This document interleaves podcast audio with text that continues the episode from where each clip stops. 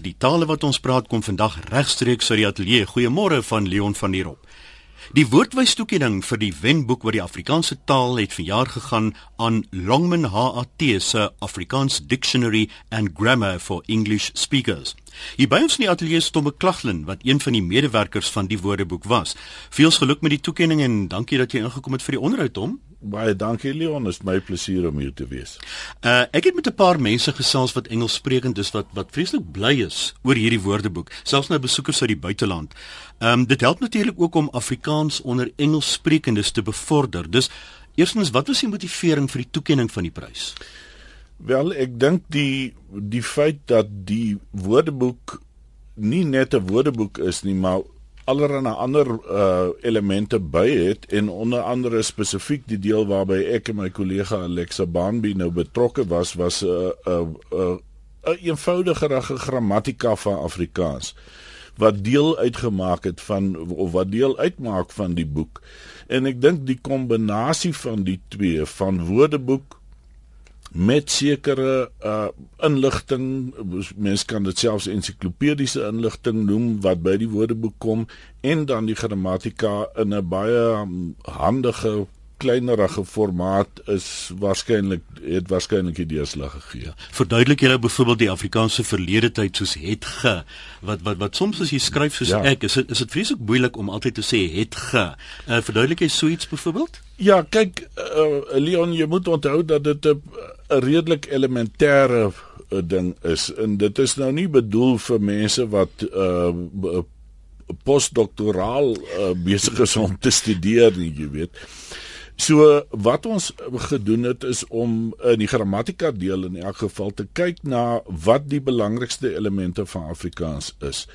Ehm um, woordsoorte word byvoorbeeld bespreek daarin want uh 'n mens sal nooit uh, Afrikaanse spelreëls behoorlik onder die knie kry as jy nie weet min of meer wat wat woordsoorte is uh, en en hoe hulle werk nie.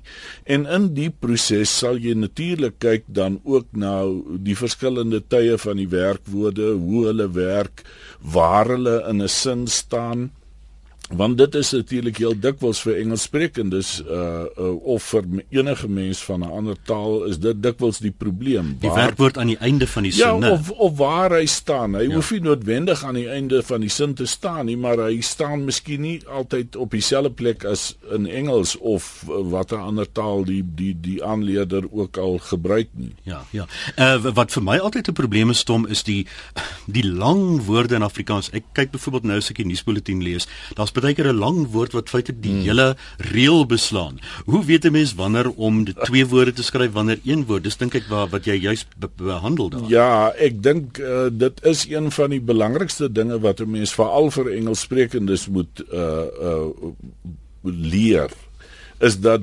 Afrikaans soos Nederlands en Duits byvoorbeeld uh sy samestellings as een woord skryf of of of vas skryf.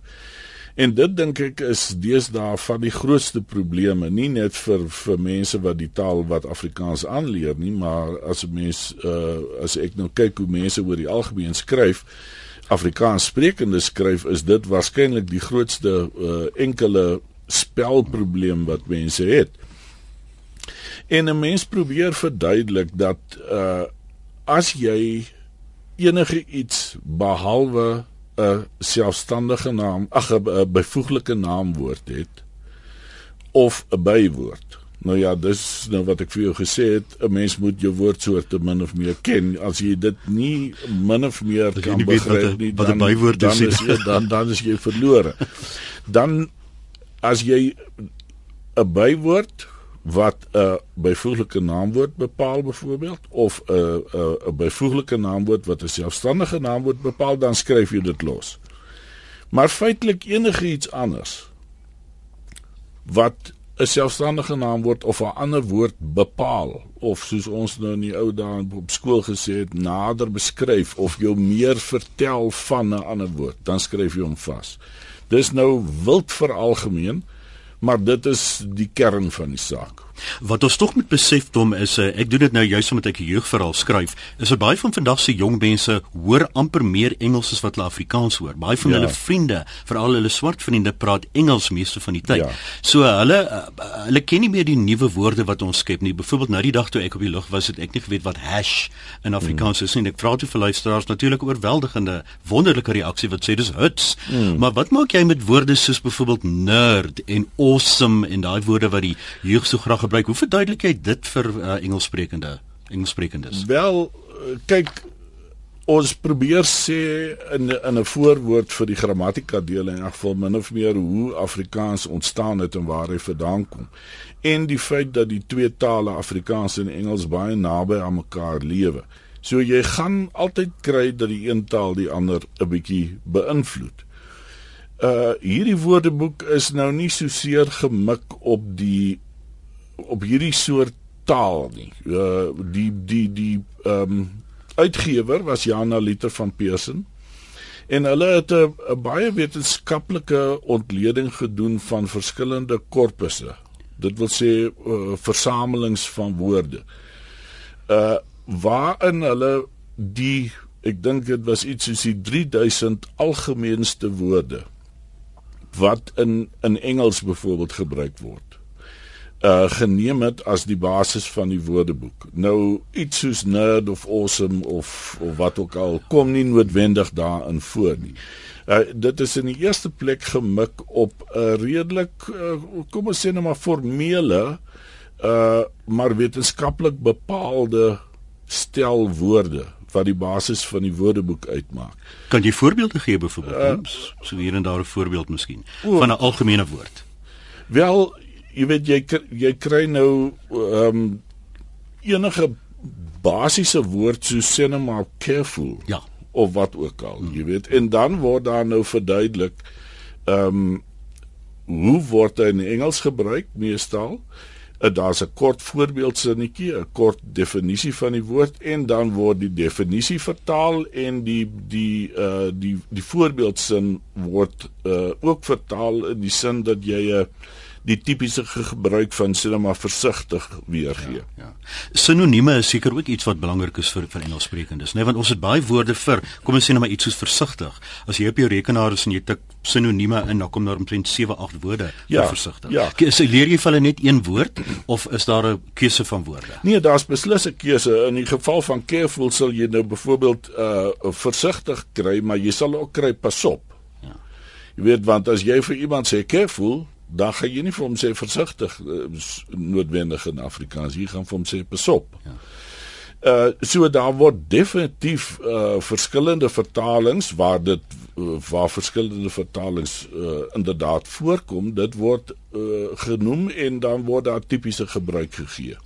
En sinonieme word ook in die grammatika deel bespreek waar uh waar ons dan dit definieer en min of meer sê wat 'n soort uh, sinonieme jy kry dat dit byvoorbeeld nie altyd absolute sinonieme is nie maar uh dat dan van die sin nê ja, dan van die betekenis grammatikale van die en van die waarde die gevoelswaarde heel dikwels in sulke soort goed ja iets wat Engelssprekendes baie moeilik vind wat ek agtergekom het vir alles mense praat en jy praat vinnig want ons praat baie keer vinnig is dit is wat dis word, daardie wat daai word. Verduidelik jy byvoorbeeld hmm. vir hulle dit ook? Nee, ek dink nie as ek reg onthou kom dit nie uh uh in die grammatika ter sprake daardie soort van samentrekking van van uh of assimilasie van, van dit, klanke. Ja, ja. Dit is nie as 'n uh as 'n um afdeling in die in die grammatika deel bespreek nie. Ja. Tom jy het nou nou verwys na die ontstaan van Afrikaans en ja. dat jy hulle veral en ek het nou gesien daar in die in die in die woordeboek dat jy hulle verduidelik hoe Afrikaans ontstaan het vir Engelssprekendes. Hoe het julle in daai boek dit verduidelik? Ons het eintlik maar net uh, gesê dat uh dis 'n baie kort en en eenvoudige samevatting, jy weet mense skryf boeke daaroor en dit was nou nie die doel van hierdie ding nie. Al wat ons basies gesê het is hoe Afrikaans uh, begin ontwikkel het uit Nederlands omdat daar in die eerste plek 'n afstand is van die moederland maar ook omdat daar heelwat invloed is van die uh, van ander tale mense wat uh, uh, wat die Hollanders byvoorbeeld hier teëgekom het. Ehm um, uh die Khoisan en en en so aan en hoe Afrikaans as 'n lingua franca ontstaan het. Met ander woorde, die taal wat mense gebruik om met mekaar te kommunikeer as hulle almal verskillende tale praat. En dan natuurlik ook die invloed van Engels en die en die noue naasbestaan van van van Engels uh met Afrikaans. Uh so wesenlik gesê is dit Nederlands byvoorbeeld wat sy woordeskat betref en en sekere tradisies soos uh, baie van sy spelling tradisies.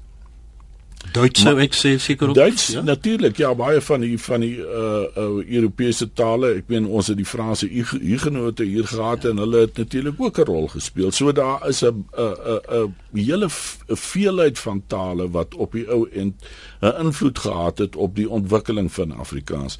En dan het daar uh natuurlik 'n baie doelbewuste standaardisering van Afrikaans plaasgevind in 'n stadium ehm um, veral daardie Anglo-Boereoorlog.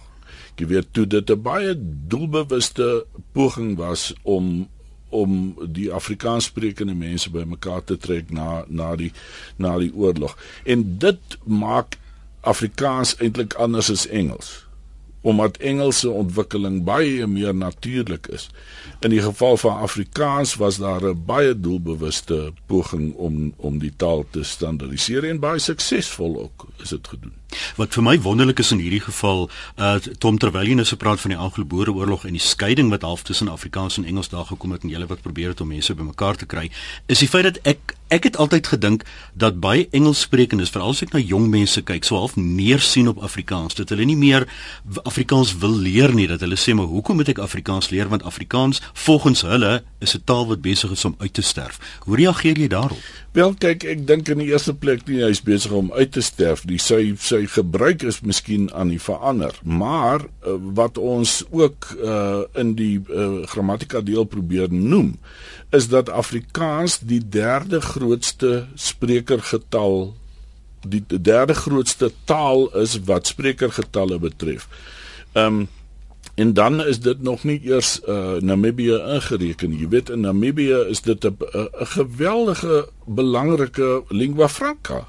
Dit is dit uh, mense praat daar Afrikaans wat jy net nie kan glo nie.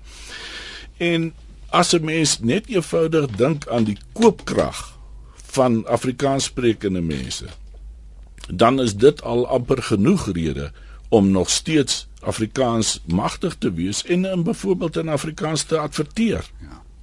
Tom, uh, ons ons tyd is amper verby, ongelukkig het ons 2 minute oor, maar hier's 'n luisteraar wat vra, is die woordeboek leesbaar op die internet en hoe kry ek dit op die internet? Vra Lisa sover ek ek is nou nie uh, by die by die uitgewery betrokke nie en ek is nie heeltemal seker of dit al reeds op die internet beskikbaar is nie maar uh, ek is seker op uh, Longmanhat of Pearson se se webwerf sal daar wel inligting wees. Ja. Leni van Alberton vra sê net weer die naam van die woordeboek en waar is dit te koop? Wel weer eens ek is nie uh, by uh, jy weet die verspreiding daarvan betrokke nie. Ek vermoed jy sal dit waarskynlik in enige goeie boekwinkel kan kry. Soos van Skype byvoorbeeld. Van Skype of of, of CNA ja, of ja. of uh, uh, exclusives miskien. Ja. Ek ek ek vermoed ja, so. Ja. Ehm um, maar as mense dit wil bestel, Tom, waar waar sê jy dit? Ek sou dink gaan na die uh, na na Pearson uh, Pearson Education se webwerf ja. of uh, soek Longman Hart uh sê net maar met met Google, ek is seker jy sal eers daar uitkom. Ek het nou nie probeer um maar dis hoe mense dit in die hande sal kry. Ek sou dink ja. En en Pearson se spelling net vir die luisteraars, as hulle dit wil Google, P E A R S O N. So person education of jy gaan na Longman Hat toe. Ja, Pearson, hè? P E A R S O N. Ja. Dom dit was heerlik om jou te gesels. Ek bedoel ek, ek wil nog wat luisteraars inbel, maar daar is hy dood eenvoudig die tyd nie. Uh ons het gesels oor die Longman HAT Afrikaans Dictionary and Grammar for English Speakers. En ons het uh, met Tom McClaggen gesels. Hy was een van die medewerkers van die Woordeboek en jy het pas 'n prys daarvoor gewen. So ja. Tom, baie dankie dat jy jou Sondag opgeoffer het om in te kom en vir die lekker gesels. My plesier. Dankie Leon.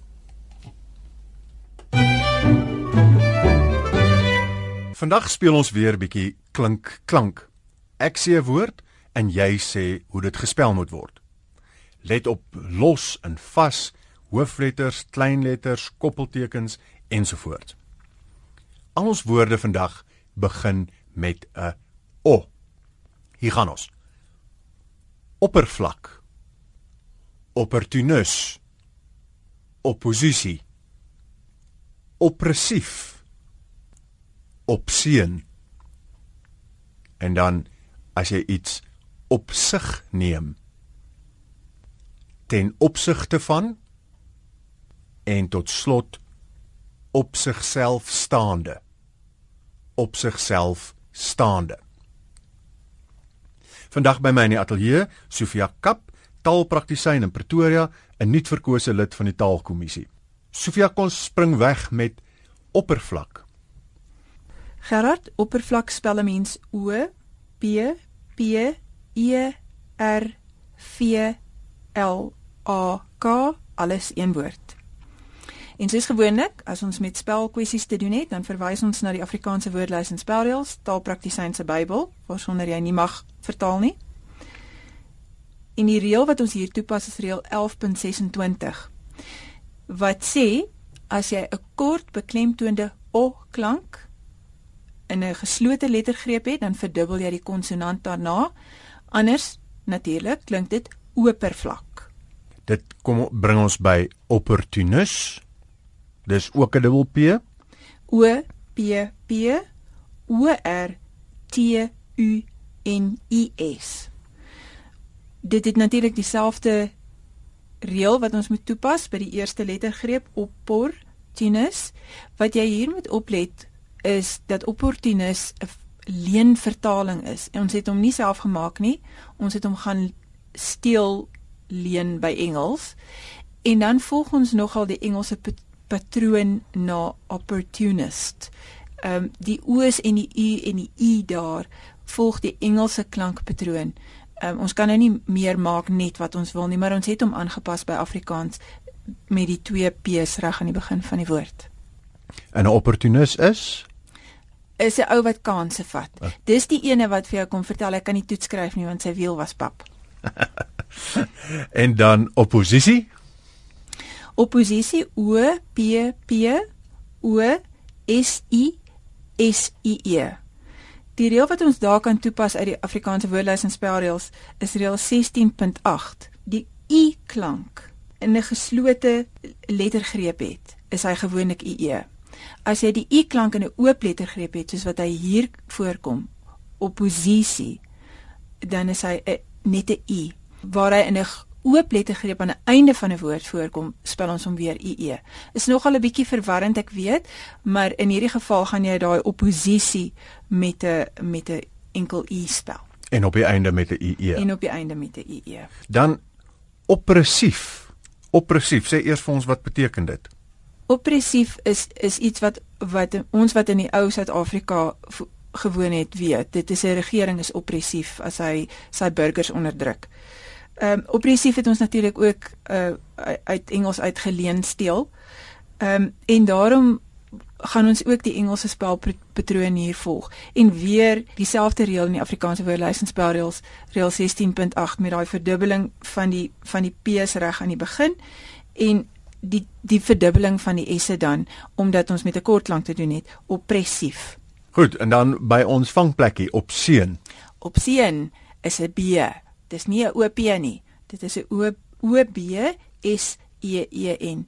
En natuurlik moet ons daar ook omdat ons met 'n leenwoord te doen het, die Engelse spelpatroon eerbiedig. Dit is natuurlik vreemd om iets te spel O B as ons dit eintlik uitspreek O P, maar ons moet in gedagte hou waar dit vandaan kom en ons moet daai die leentaal se reëls respekteer. En dan kom ons by drie uitdrukkings iets op sig neem ten opsigte van en op sigself staande. Om iets op sig te neem beteken jy jy het dit op lay-by. Die Engelse uitdrukking is is to put it on lay-by. En dit beteken jy's jy het van die rok gehou in die winkelfenster, maar jy kan hom nie nou bekostig nie, maar jy's bang jou buurvrou koop hom. Jy weet so jy gaan betaal 'n deposito en jy los hom in die winkel totdat jy hom kan bekostig. Ten opsigte van uh spel ons ten een woord opsigte een woord van een woord dit het heeltemal 'n ander betekenis en daarom spel ons hom anders. Die laaste een is 'n vangplek myns en siens het meer te doen met die op as wat dit te doen met sigself. Sigself dink ek die meeste mense weet dit is een woord. Uh maar ons het 'n geneigtheid in Afrikaans om te sê in sigself in plaas van op sigself en dit is natuurlik anglisisties omdat ons dit net so uit Engels uit vertaal het. So kom ons vat net saam. Op sig neem, drie woorde, op Correct. sig neem, dan ten opsigte van, drie woorde, ten opsigte van en dan op sigself staande, ook drie woorde, op sigself staande. Korrek. Sofia, baie dankie. Ons praat graag 'n volgende keer verder.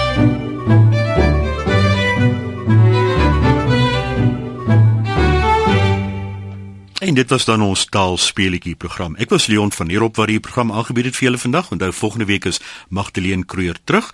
En vir almal wat gevra het, net weer die naam van daai woordeboek, Longman HAT se Afrikaans Dictionary and Grammar for English Speakers. En jy kan meer hieroor lees op die volgende webwerf.